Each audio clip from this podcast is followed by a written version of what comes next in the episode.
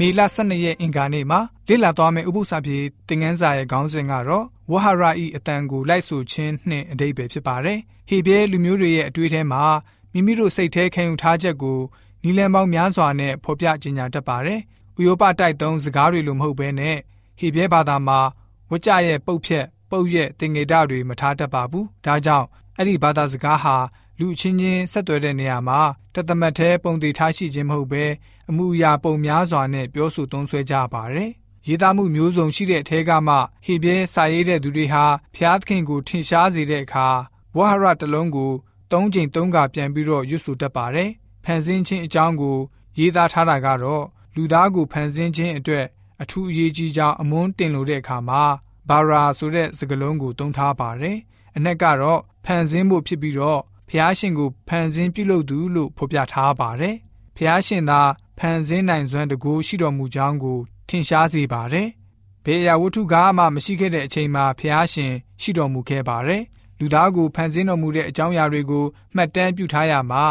အဲ့လိုဖျားသခင်ဟာမိမိရဲ့ပုံတံတော်နဲ့အညီလူယောက်ျားလူမိန်းမကိုဖန်ဆင်းတော်မူတယ်။ဖျားသခင်ရဲ့ပုံတံတော်နဲ့အညီလူယောက်ျားလူမိန်းမကိုဖန်ဆင်းပြီးတော့ ဖန်ဆင်းတော်မူတယ်လို့သုံးချိန်သုံးကတေချာတဲ့ပို့ပြီးတော့တေချာအောင်ထက်ခါထက်ခါရေးသားထားတာတွေ့ရပါတယ်။ဘုရားသခင်ဟာလူကိုဖန်ဆင်းတယ်သူ့ရဲ့တဒံနဲ့အညီဖန်ဆင်းတယ်လို့ထက်ခါထက်ခါ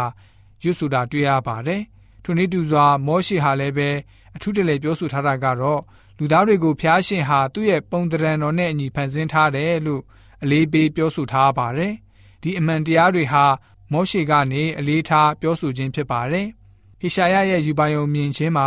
ကောင်းကင်တမန်တရက်ကကောင်းကင်ဘုရားသခင်ကိုတန်ရှင်းတော်မူ၏တန်ရှင်းတော်မူ၏တန်ရှင်းတော်မူ၏ဆိုပြီးတော့ထက်ခါထက်ခါရေရွတ်ချီးမွမ်းတော်မူတဲ့အကြောင်းကြားရပါတယ်။မိမတော်အတွင်းမှာဖျားရှင်ရဲ့တန်ရှင်းတဲ့ဘုန်းတော်လွှမ်းမိုးခြင်းကိုဖော်ကျူးပြသနေပါတယ်။အနန္တတကုရှင်ရဲ့ရှိတော်မောက်မှာခစားနေခြင်းကိုပုံဖော်ထားပါတယ်။ငါကလည်းငါ၌အမင်္ဂလာရှိ၏ငါအကျိုးနည်းပြီဆိုပြီးတော့ဟေရှာယအနာဂတိကျမ်းခန်းကြီး6ငယ်9မှာ ဟေရှာယပြောဖက်ပြောထားခဲ့တာလည်းတွေ့ရပါတယ်ဟေရှာယလိုပြောဖက်ကြီးတောင်ဖျားသခင်ရဲ့တန်ရှင်းတဲ့စရိတတော်နဲ့ရင်ဆိုင်ရတဲ့အခါမှာမိမိကိုယ်ကိုမိမိမထိုက်တန်ကြောင်းကိုသိမှတ်ရပါတယ်။လောကလူသားတွေဟာအပြစ်နွန်တွင်ကြာဆင်းနေရလို့ကယ်တင်ရှင်လိုတဲ့အကြောင်းကိုရှင်ပေါလုကနေပြီးတော့လည်းပဲယောမဩရစာခန်းကြီး1ကနေ3အထိရေးထားတာတွေ့ရပါတယ်။တမန်ကျမ်းစာကနေလူသားတွေရဲ့နှိမ့်ကျတဲ့အခြေအနေကိုဖော်ပြရေးသားထားပါတယ်။ ဟေရှာယလိုသူတို့ကောင်းတော်ဇာတိပဂတိမှာနှိမ့်ကျနေကြောင်းဝန်ခံထားပါတယ်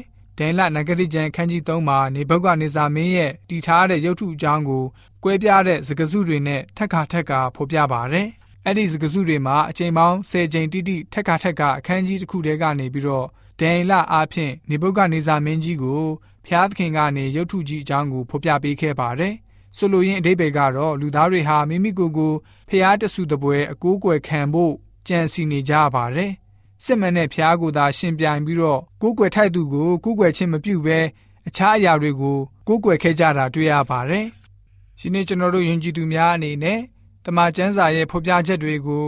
ရှင်းရှင်းလင်းလင်းနားလည်စေဖို့အတွက်အင်္ဂါနေ့ဥပုသ္စာဖြစ်တဲ့ငန်းစာကဖော်ပြပေးထားပါတယ်။